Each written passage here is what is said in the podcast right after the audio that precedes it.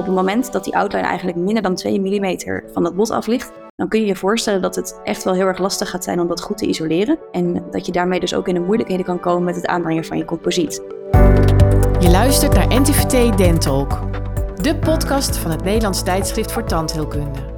We gaan hier in gesprek met belangrijke experts, interessante onderzoekers en boeiende ervaringsdeskundigen. En misschien wel met jou.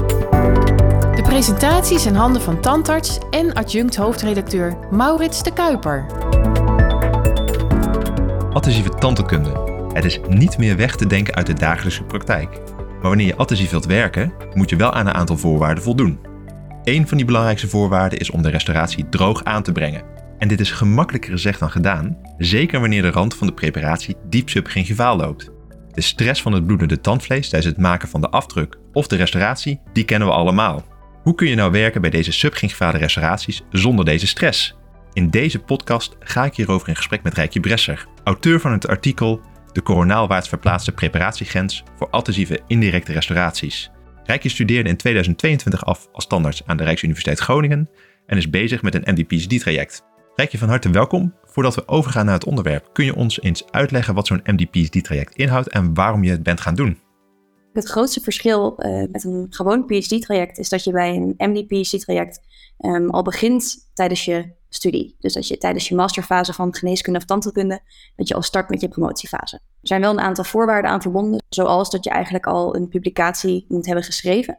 Uh, en het liefst eigenlijk ook al gepubliceerd moet hebben. En gemiddeld genomen betekent het eigenlijk dat je ongeveer twee jaar na afstuderen promoveert. Oké, helder. En waar ontstond voor jou dan de vonk voor die wetenschap?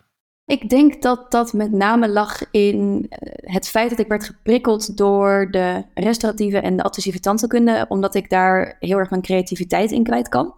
En uh, de reden dat ik überhaupt tandarts wilde worden, uh, had daar ook heel erg mee te maken. Dus toen ik merkte dat ik dat wat ik heel erg graag wil doen, dus met mijn handen wil werken en uh, mooie dingen wil maken, dat dat heel erg ja, paste binnen die tak van de tandheelkunde, mm -hmm. wilde ik er eigenlijk alles over weten. En ja, merkte ik toch dat ik daar zo in geïnteresseerd was dat ik daar zelf ook uh, meer onderzoek naar wilde doen. Dus dat uh, is eigenlijk een beetje hoe dat zo is gaan rollen. En ben ik uh, na mijn masterscriptie eigenlijk daarop doorgegaan. Dus die restauratieve tandheelkunde, die had wel je interesse. Maar misschien werd je ook wel getriggerd door frustraties die je tegenkwam tijdens die restauratieve werkzaamheden. Zoals bijvoorbeeld een diepe rand onder het tandvlees. En dit heeft er in ieder geval toe geleid dat je ook bent begonnen met een MD-PhD-traject naar deze subgingivale restauraties, waaronder Deep Margin Elevation, ook wel afgekort naar DME. Je hebt in de februari-editie van het NVT ook een artikel geschreven met de titel De coronaalwaarts verplaatste preparatiegrens voor adhesieve indirecte restauraties. Wat is dat eigenlijk, Deep Margin Elevation? De definitie van Deep Margin Elevation, of ook wel DME genoemd, is wanneer je uh, een subgingivale restauratiegrens um, verplaatst naar supra- of equigingivaal. Uh, door middel van het aanbrengen van een directe composietrestauratie. Mm -hmm. Het is mooi als je dit onder rubberdam doet, uh, met aanvullende matrix als extra isolatie. Want je natuurlijk in de diepte heb je, heb je mm -hmm. vaak het probleem dat het met alleen rubberdam of soms ook met aanvullende materialen nog steeds niet goed te isoleren is. En dan is zo'n matrix een hele mooie ja, aanvulling op je isolatie. En kun je daarmee ook een, een, verhoging aanbrengen, wat dus heel erg wat voordelen kan hebben. Wat zijn dan de indicaties en de voordelen van het toepassen van zo'n DME tijdens de procedure? Ik denk dat het dan handig is om het uit te leggen aan de hand van een, uh, een directe en een indirecte uh, restauratie omdat het, uh, de techniek is eigenlijk niet gelimiteerd tot één van de twee. Mm -hmm. uh, maar je past het ook zeker niet toe in alle subgingivale preparaties. Nou, als je dan kijkt naar een eh, directe restauratie, uh, dan is het vaak heel lastig als je te maken hebt met een, met een diepe preparatiegrens om twee belangrijke aspecten van een, van een goede directe restauratie te volbrengen. En dan hebben we het over de cervicale aansluiting en een contactpunt. En dan is het lastig om beide punten eigenlijk in één matrixsysteem te vangen. En dan kun je er eigenlijk soms voor kiezen om bij zo'n diepe subgingivale restauratie-outline, dat je ervoor kiest om dat middels twee matrixsystemen eigenlijk te restaureren. En uh, het feit van dat je dus eerst een, een, verhoging aanbrengt, dus dat je je preparatiegrens verhoogt naar supra- of equigingivaal, uh, dan doe je eigenlijk ook al een DME. Als je nou betrekt op, op de indirecte restauraties, dan heb je te maken met dat het soms best wel erg lastig kan zijn om een goede afdruk te krijgen uh, en een goede isolatie. Dus bijvoorbeeld voor het aanbrengen van je IDS. Mm -hmm. Nou, en de voordelen van zo'n DME bij een indirecte techniek is dat je dus voorspelbaar te werk kan gaan. En dat je tijdens het, plaatsen van je indirecte restauratie, dat je isolatie en voorspelbaarder en ook sneller aan te brengen is. En als je gaat afdrukken, dat je ook te maken hebt met dat, de definitie van je outline beter uh, vindbaar is in je afdruk. Dus kort gezegd, deze drie voordelen. Je geeft aan dat DME drie voordelen heeft. En als ik het dan zo samenvat, is het voor je directe restauraties dat je meer controle hebt over je cervicale aansluiting. En door in een tweede etappe een aparte contactmatrix te gebruiken of een andere matrix, heb je veel meer controle over je contactpunt. En bij je indirecte restauraties heeft het als voordeel dat je afdruk gemakkelijker wordt. En ook helpt het je enorm bij het isoleren tijdens het cementeren, omdat de randen eigenlijk door die DME al op het niveau van een tandvlees of net erboven liggen. Maar elke techniek heeft natuurlijk ook een nadeel, of misschien wel meerdere nadelen. Wat zijn die van DME? Het grootste nadeel is toch wel de operateursgevoeligheid van de techniek. Um, het is gewoon technisch heel lastig om zo diep een goede composietrestauratie te leggen, die en droog is en ook een goede cervicale aansluiting heeft, wat dus belangrijk is voor je parodontale gezondheid. Maar daar kunnen we het later ook uitgebreid over hebben. Um, kortweg is eigenlijk het grootste nadeel dus dat de operateur, die is heel erg bepalend voor de kwaliteit en het succes eigenlijk van de behandeling van zo'n diepe subgingivale restauratie. Nou ja, dat die operateur belangrijk is, dat kunnen we ook nog wel teruglezen in uh, andere artikelen van de februari-editie. En ik denk dat die diepe outline wel heel erg herkenbaar is voor veel luisteraars. Hè? En met name als het gaat dan om het voorspelbaar droogleggen. We hebben net al het begrip voorspelbaar laten vallen.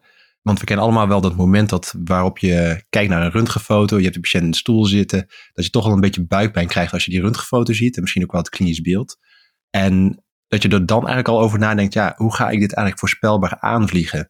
Kun jij ons dus wat tips geven over hoe jij dan die subgingivale gevallen eigenlijk benadert? En heb je nog tips voor onze luisteraars als het gaat helpen om te besluiten, gaan we nou hier voor een DME of zijn er misschien nog wat aanvullende therapieën nodig? Ik denk dat het dan belangrijk is om uh, voorafgaand aan de behandeling een goede inschatting te maken op basis van je klinische en je röntgenologische beeld. Um, en dat je dus van tevoren al gaat nadenken van, denk ik in de buurt te komen van het alveolaire. En dat je, mocht je daar uh, nou, toch wel toe neigen en dat je denkt van, nou, dat zou zomaar eens kunnen, dan zou je uh, het jezelf makkelijker maken om de patiënt daar alvast op voor te bereiden. Dus uh, dat je alvast uitlegt dat, het, uh, nou ja, dat er wellicht aanvullende therapie nodig zou kunnen zijn voor, omdat je een best wel diepe preparatiegrens verwacht. Mm -hmm. En dan kan de patiënt denken bij zo'n aanvullende therapie aan een gingivectomie, een kroonverlenging of ja, misschien ook wel een orthodontische extrusie. En ehm, ja, in zulke soort gevallen zou mijn advies zijn om een afspraak in te plannen als aanvullend diagnostiek. Uh, waarbij je eigenlijk eerst uh, alle randen schoonmaakt. Dat je dan gaat kijken van, goh, wat hou ik over? En hoe diep zit ik eigenlijk? En dat kun je dan ook, terwijl je bezig bent, maar zeker ook daarvoor en daarna communiceren naar de patiënt.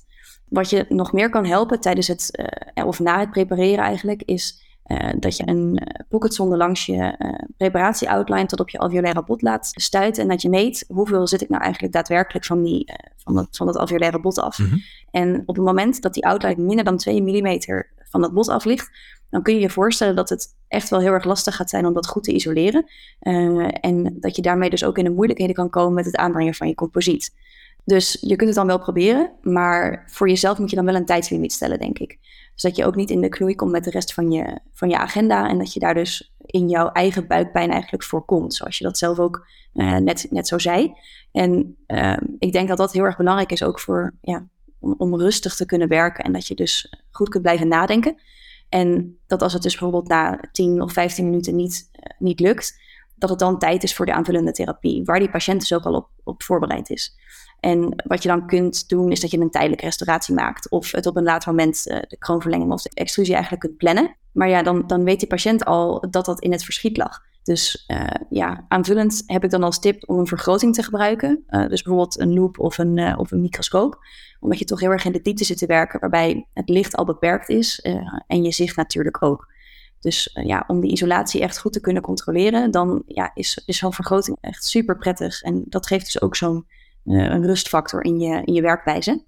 Nou, en voor, voor die isolatie kun je extra klemmen, vlosligaturen of bijvoorbeeld gecondenseerd teflon gebruiken. Uh, en dan lukt het in heel veel gevallen toch ook nog om zo diep een restauratie te maken. Maar wanneer het niet lukt, dan heb je voor jezelf in ieder geval de rust ingebouwd. En is het niet een teleurstelling voor de patiënt, omdat hij dacht dat de behandeling in één keer kon worden afgerond. Met andere woorden is het dus eigenlijk gewoon kies voor voorspelbaarheid. En uh, ja, persoonlijk denk ik dat, dat die 2 mm dus wel echt een, een, pragmatische benadering is. En dan kun je casusafhankelijk eigenlijk besluiten of een DME haalbaar is of dat een aanvullende therapie nodig is. Nou ja, kortom, een voorspelbare behandeling dus. En dat zit niet alleen in het technische gedeelte, maar ook zeker in de voorlichting aan onze patiënten van tevoren. En dat gevoel van buikpijn, hè, eh, wat je krijgt op basis van dat klinisch beeld of de röntgenfoto, dat moeten we dus ook vooral communiceren naar die patiënt. En uh, dat vergeten we nog wel eens. En ik denk dat we allemaal wel een keer een situatie hebben meegemaakt waarbij we toch een behandeling zijn gestart, waarbij we zelf al een beetje twijfelden. En uiteindelijk tijdens die behandeling blijkt het toch allemaal net niet te lukken. En dan is het ook voor zo'n patiënt een enorme teleurstelling dat zo'n behandeling niet in één zitting kan worden afgerond. En dat geeft uh, niemand een goed gevoel. En wat me ook wel aanspreekt uh, in ja, jouw uitleg is het aspect van die pragmatische benadering. Hè? Dus uh, die 2 mm, zodat je wat beter een inschatting kan maken. Kan ik het überhaupt nog wel zo diep droogleggen en vullen? En ook zeker dat tijdslimiet. Hè? Want het moet uiteindelijk ook zo zijn dat je zo'n DME binnen een realistische tijd kunt uitvoeren. Niet dat je er uren mee bezig bent. Maar stel nou dat het wel lukt om binnen die 2 mm te vullen. En ja, soms hebben we gewoon gouden handen. Moeten we dan niet bang zijn voor de reactie van het tandvlees? Nou ja, een mogelijk risico, dat is natuurlijk uh, de schending van je biologische breedte. En dat heeft vaak een chronische ontsteking tot gevolg. En die biologische breedte die, ja, kun je eigenlijk zien als een verdedigingslinie om bacteriën buiten het lichaam te houden. Dus de biologische breedte, dat, dat gebruikt het lichaam om zich af te sluiten uh, voor de buitenwereld. Ja, die biologische breedte die bestaat uit het aanhechtingsepitheel en de bindweefselaanhechting. Of je de biologische breedte schendt, kun je klinisch alleen heel erg lastig inschatten. En uh, het verschilt ook nog eens per patiënt per element. Um, en ook nog eens dus binnen dezelfde patiënt. Dus gemiddeld wordt een waarde van ongeveer 2 mm genoemd. En daarbij wordt het met name beschreven bij metaalporseleinen kronen, waarbij een, een brandspleet onvermijdelijk is. En uh, wat op zich dan wel interessant is om te noemen, is uh, het artikel van Eigelsbacher uit 2009. Wat ze daar uh, hebben onderzocht, is het terugplaatsen van kroonwortelfracturen binnen 2 mm van het alveolaire bot af. En ze hebben het teruggeplaatst door middel van adhesieve techniek. Nou, hoe ze dat nou hebben gedaan, dat is dat ze een opklap hebben gemaakt van het tandvlees, waardoor je een hele mooie isolatie uh, uh, kreeg. En waardoor ze dus betrouwbaar uh, dat adhesiefsysteem konden aanbrengen op het gebitselement, dus op de, op de fractuur. -hmm. En wat ze daarna hebben gedaan, is een naadloze aansluiting gecreëerd van, van het adhesief tussen de kroonwortelfractuur. En na het terughechten hebben ze twee jaar lang het parodontium geëvalueerd ja, daarbij zagen ze eigenlijk geen verschil tussen de gezondheid van het parodontium, van waar de kroonwortelfracturen waren teruggeplakt binnen die 2 mm van het alveolaire bot, en gebitselementen die ongeschaad waren. Dus het zou kunnen zijn dat er uh, een verschil zit in de gevolgen voor het parodontium tussen conventionele kronen en adhesieve restauraties, waarbij er dus geen randspleet is. En het aanhechtingsepitheel, dat bevat hemidesmosomen en die plakken aan alles wat glad is. Dus die zuigen zich daar letterlijk aan vast. En uh, dan kun je bijvoorbeeld denken aan het oppervlak van een implantaatkroon. En daar is bijvoorbeeld geen sprake van een bindweefselaanhechting. Maar het zou dus zo kunnen zijn dat deze hemidesmosomen ook kunnen plakken aan een glad composietoppervlak zonder dat het meteen leidt tot een chronische ontsteking, omdat je nou eenmaal binnen die 2 mm van het alveolaire bot vandaan zit. Nou ja, we noemden al eerder die 2 mm, maar dat is niet per se in verband met een mogelijke schending van de biologische breedte, maar het is meer gewoon een praktische en pragmatische benadering voor de keuze op aanvullende therapie en dus eh, het behouden van je eigen voorspelbaarheid. Dus kan ik het op minder van 2 mm van het bot nog wel droog houden? Uh, en een goede aansluitende supergladde restauratie maken? Dat is eigenlijk de vraag die je jezelf uh, zou moeten stellen die studie van Argusbacher vind ik eigenlijk wel heel erg interessant, want dat is ook een manier om om te gaan met zo'n diepe subgingivale restauratierand. Als ik het goed begrijp, hebben ze eigenlijk het tandvlees aan de kant uh, geflapt met een opklap. En met een open flap hebben ze vervolgens dat afgebroken kroondeel weer terugverlijmd op het element. Ik denk dat voor luisteraars die wat meer chirurgisch onderlegd zijn, het een mooie tip zou kunnen zijn om toch zo'n element nog te kunnen behouden. Ook interessant om te horen dat er mogelijk verschil is uh, als het gaat om die schending van die biologische breedte tussen conventioneel kronenbrugwerk en wanneer je adhesief te werk gaat. En dat mogelijk bij ja, eigenlijk het adhesief herstellen van die gebitselementen de biologische breedte, of in ieder geval de schending uh, van die biologische breedte misschien minder een issue is. Ik denk dat veel parodontologen daar ook wel blij van worden, want dat betekent eigenlijk dat we meer parodontaal steunweefsel kunnen behouden. Dat is natuurlijk wel het nadeel van zo'n kroonverlenging, is dat je wat bot moeten opofferen bij het element waar je te werk gaat. Maar niet alleen dat. Um, er moet ook altijd wat parodontaal steunweefsel opgeofferd worden bij de buurelementen. En dat is natuurlijk wel de biologische prijs die je daarvoor betaalt. Zijn er dan nog andere studies bekend die het effect van subgingivale restauraties hebben onderzocht en misschien ook wel hebben vergeleken met kroonverlenging? Ja, er is zelfs exact zo'n voorbeeld. Uh, dat is um, het artikel van Opperman uh, uit 2016. En uh, daarbij is er een randomized clinical trial en dan split mouth uitgevoerd. Um, waarbij ze aan het ene element hebben ze een kroonverlenging uitgevoerd, omdat daarbij binnen die 2 mm van het alveolaire bot gerestaureerd moest worden. En contralateraal of in de tegenoverliggende kaak hebben ze ehm, een andere behandeling uitgevoerd, waarbij ze een restauratie, een DME hebben geplaatst, uh, diep ook binnen die 2 mm. En waarbij ze na eh, een half jaar hebben gekeken van, goh, wat doet dat met de parodontale gezondheid? Dus hebben ze de pocketdiepte bekeken, um, uh, maar ook het klinisch aanhechtingsverlies. Mhm. En wat natuurlijk wel ook een beetje te verwachten valt, is dat in de groep van, van de kroonverlenging was wel wat meer klinisch aanhechtingsverlies opgetreden. Maar verder waren eigenlijk alle parodontale parameters uh, gelijk gebleven. En ook uh, gezond. Dus uh, er was ook verder geen afwijking of een ontsteking waarneembaar in beide groepen. En dus wat ze eigenlijk concluderen is dat het dus zo zou kunnen zijn dat het voor de tandvlees eigenlijk prima acceptabel zou kunnen zijn om zo diep een composietrestauratie te hebben. Ja, dat biedt toch ook wel een beetje rust voor de dagelijkse praktijk. Want uh, diepe subgingivale randen, dat komen we uh, met regelmaat tegen.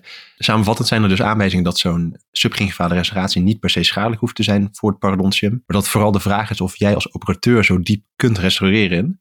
Is die 2 mm die je hanteert dan gebaseerd op die gemiddelde biologische breedte? Of um, hoe ben je op die 2 mm gekomen? Nou, die 2 mm is uit name bedacht vanuit een pragmatisch oogpunt. Um, en als signaal voor jezelf dat eventueel aanvullende therapie uh, voorspelbaarder zou kunnen zijn. Uh, je moet namelijk niet urenlang bezig zijn met zo'n DME. Het is echt vanuit een pragmatisch oogpunt. En ik kan me ook wel um, voorstellen, je hebt ook gewoon wat fysieke ruimte nodig om een matrix aan te brengen. Hè? Dus je, je matrix sluit natuurlijk niet helemaal aan tot precies op de rand van je preparatie, maar net iets eronder. Dus ik denk dat die 2 mm wel een um, reële inschatting is of je nog iets kunt herstellen eigenlijk als het ware. Nu heb je zelf ook nog gekeken naar het succes van DME onder indirecte restauraties. Kun je nog eens wat vertellen over de conclusies uit jouw onderzoek?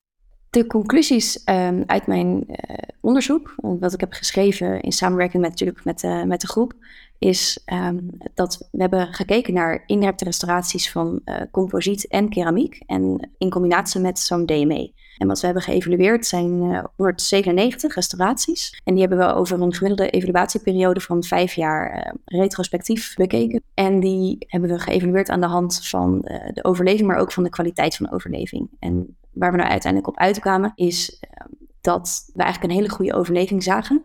in totaal zijn er acht restauraties uh, gefaald over dus die gemiddelde periode van vijf jaar. En we konden niet echt een specifieke oorzaak aanduiden voor het falen van die restauraties. Dus uh, we konden niet per se toewijzen aan uh, fracturen of secundaire caries of parodontaal verval. Mm -hmm. Wat we wel zagen is dat bij endodontisch behandelde elementen, dat daar wat vaker fracturen optraden. En dat als je keek naar de kwaliteit van overleving, dat naarmate die restauraties ouder werden, dat je ook wel uh, wat degradatie zag uh, in de kwaliteit van overleving. Dus dan hebben we het uh, over, de, over de glans van de restauraties, over slijtage of um, nou ja, over handverkleuring. Mm -hmm. dus dat is eigenlijk een beetje wat, wat wij daarover te weten zijn gekomen. En dat stukje over die vermindering van, van de kwaliteit van de restauratie. Hè? Je, je hebt het onder andere over randverkleuring. Want ik denk dat dat natuurlijk ook wel iets is wat bij veel collega's misschien leeft. Of misschien die angst als je je outliner legt in composiet. Uh, heb je dan gekeken naar de hele restauratie, dus echt ook het porselein, of specifiek naar het composiet waarmee het DME gedaan is? We hebben met name gekeken eigenlijk naar de aansluiting van uh, het keramiek of indirecte composiet uh, op het element. Dus niet zozeer alleen maar naar het DME, die hebben we wel meebekeken voor zover dat kon. Veel is natuurlijk ook onder het tandvlees. Mm -hmm. um, maar uh, het is met name eigenlijk de randverkleuring van de indirecte restauratie op het gebitselement. Oké, okay, helder. Je had het ook nog over het endodontisch behandelde element en dat jullie daar wat vaker fracturen zagen. Was dit dan ook nog gerelateerd aan de DME? Ja, was het misschien dan beter gegaan op het moment dat je geen DME had gebruikt, maar gewoon volledig keramiek daar lopen? Kun je daar misschien nog iets over zeggen? Wat ik nog meer heb onderzocht, wat hier misschien wel mooi op aansluit, dat heeft niet per se uh, te maken met of een element endodontisch behandeld is, want daar kan ik zo 1, 2, 3 geen antwoord op geven. Daar is ook nog weinig onderzoek naar gedaan. Maar ik heb wel uh, fractuurtesten gedaan uh, op ja, eigenlijk elementen die al geëxtraheerd waren en die we hebben gerestaureerd met een indirecte restauratie en uh, DME versus uh, gewoon diep geplaatst keramiek. En ehm, daarbij zagen we dat een DME eigenlijk geen invloed had op de fractuursterkte of op de uh, catastrofe van de fractuur. Dus hoe erg die fractuur eigenlijk was naar, als het element brak. En um, eigenlijk fractureerden al die elementen ook ja, boven de natuurlijk mogelijk te verwachten koukrachten in de mond. Dus we konden eigenlijk vrij zeker ook zeggen dat, dat een DME uh, geen invloed had op de fractuursterkte van een uh, behandeld element. En, maar dan moet het natuurlijk wel gezegd worden dat het alleen maar in vitro getest is. Nee, eh, snap ik dat, dat daar nog voldoende onderzoek naar gedaan kan worden. Maar toch wel fijn om te horen dat in ieder geval qua fractuursterkte en qua mechanische belasting je er geen zorgen om hoeft te maken hebben we natuurlijk best wel wat dingen al besproken hier. We hebben het gehad over de indicaties eh, van DME, de keuze wanneer je gaat over DME of voor een andere therapie zoals kroonverlenging of extrusie. Laten we dan afsluiten met een aantal concrete tips. Heb je nog wat aanbevelingen als het gaat om het gebruik van bepaalde matrixsystemen of misschien wel het type composiet wat je nou kunt gebruiken voor zo'n DME? Nou, ik ben natuurlijk redelijk recent uh, afgestudeerd. Uh, dus ik ben zelf ook nog dat aan het onderzoeken. Uh, maar mijn persoonlijke favoriet ehm, heb ik ook wel te danken aan het artikel van Marleen Peumans. Ze heeft een hele mooie serie geschreven over klasse 2 restauraties en de cervicale aansluiting daarvan, maar ook het creëren van een juist contactpunt. En in een van die artikelen um, wordt gesproken over een TOR-VM-matrix.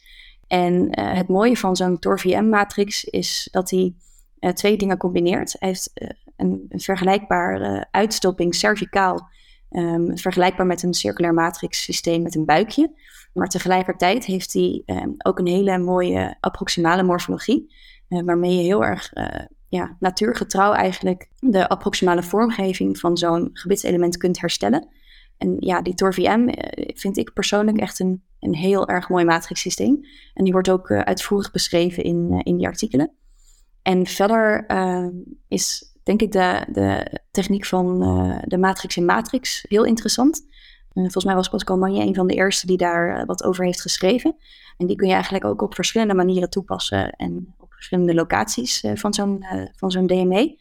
Dus dat is ook nog een interessant artikel om, er, om daar eens bij te pakken. En kun je dan ook nog wat tips geven over het type composiet wat je voor zo'n DME kunt gebruiken? Dat heb ik me ook best wel veel afgevraagd um, en ook wel proberen uit te zoeken. Um, ik, ik, kreeg daar nog niet echt een, een goed antwoord op uh, vanuit de literatuur. Um, veel in vitro onderzoek is hiernaar gedaan. Alleen ontbrak er dan eh, vrijwel altijd een matrixsysteem. We hebben natuurlijk wel daarmee altijd te maken met een matrixsysteem.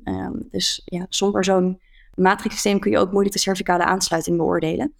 Maar ik denk dat we het beste kunnen benaderen vanuit drie opties. Uh, flowable composiet, uh, een gewoon wat stugger condenseerbaar composiet en een combinatie van de twee. En een combinatie van die twee uh, heeft met name te maken met dat we een, een sneeuwschuiftechniek kunnen toepassen. En dan breng je eigenlijk in je box een beetje flowable composiet aan, wat je niet uithardt, maar waarna je eigenlijk direct wat stugger condenseerbaar composiet aanbrengt. En waardoor je dus eigenlijk ja, dat vloeibare composiet gebruikt um, als een soort van ja, hoe noem je dat? dat het uh, eigenlijk in alle randjes en spleetjes uh, heel erg mooi vloeit, maar dat je tegelijkertijd ook uh, ja, toch wel stevig composiet hebt en wat je laagsgewijs daarna weer kunt eh, opbouwen. Ja, dan gebruik je eigenlijk in die laatste techniek het global composiet als een soort smeermiddel. Ja, dat is een hele goede. Oké. Ik denk dat we in deze podcast heel wat aspecten hebben kunnen belichten over het onderwerp deep margin elevation en de subgingivale restauratie. Punten die ik in ieder geval meeneem uit dit gesprek zijn allereerst de voorlichting aan de patiënt. Dus op het moment dat ik buikpijn krijg bij het zien van een röntgenfoto of bij het klinisch beeld in de mond, dat ik die buikpijn ook deel met de patiënt en dat ik de afspraak erna vooral zie als aanvullende diagnostiek, waarbij ik met behulp van mijn pocketsonde wat beter gevoel erbij kan krijgen of ik nou nog zo diep een goede composietrestauratie kan leggen. En op het moment dat ik uh, daaraan twijfel, dat ik dan een timer zet en op het moment dat die timer afgaat, dat ik dan toch maar besluit om een tijdelijke restauratie te gaan maken.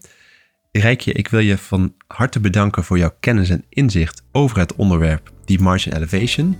En hiermee zijn we aan het einde gekomen van deze Dentalk podcast, waar we in gesprek waren met Rijkje Bresser over het onderwerp Deep Margin Elevation. Dank voor jullie aandacht en tot de volgende Dentalk podcast. Dit was NTVT Dentalk, de podcast van het Nederlands tijdschrift voor tandheelkunde. Heb je tips of leuke vragen voor ons? Laat het ons weten via redactie.ntvt.nl. Bedankt voor het luisteren en graag tot de volgende keer.